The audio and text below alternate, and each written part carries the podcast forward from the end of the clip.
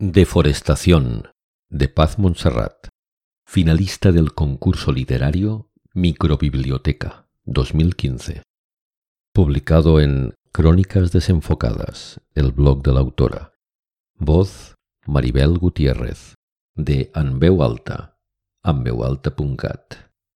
Música Fragmento de Midnight in Paris, Bistrofada de Stefan Rembel.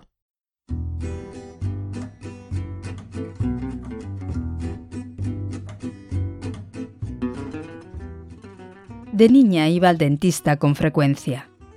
Tenía el esmalte muy fino, teñido de amarillo por la tetraciclina. Pronto empecé con las caries. Un día el doctor me contó que en la muela de un paciente había encontrado una pepita de tomate germinada. Yo no supe si creerle, pero me recuerdo fantaseando sobre el tema. Imaginaba una cavidad llena de humus de la que brotaba una minúscula tomatera que con el tiempo se ramificaba y reptaba con ventosas por el suelo de la boca. Algunos tomates estallaban como globos entre los dientes al hablar. Otros bajaban por el tubo del fondo del jardín, fértil abono de lechugas y alcachofas. A veces salían malas hierbas y unos caracoles pequeñitos tapizaban las mucosas de satén se convirtió en un huerto capaz de alimentar a una familia o tal vez a una ciudad.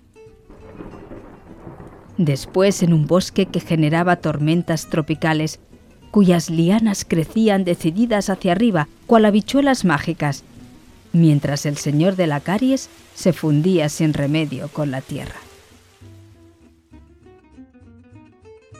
Nunca llegó a saber el doctor cómo le odié el día que me desveló el desenlace de la historia.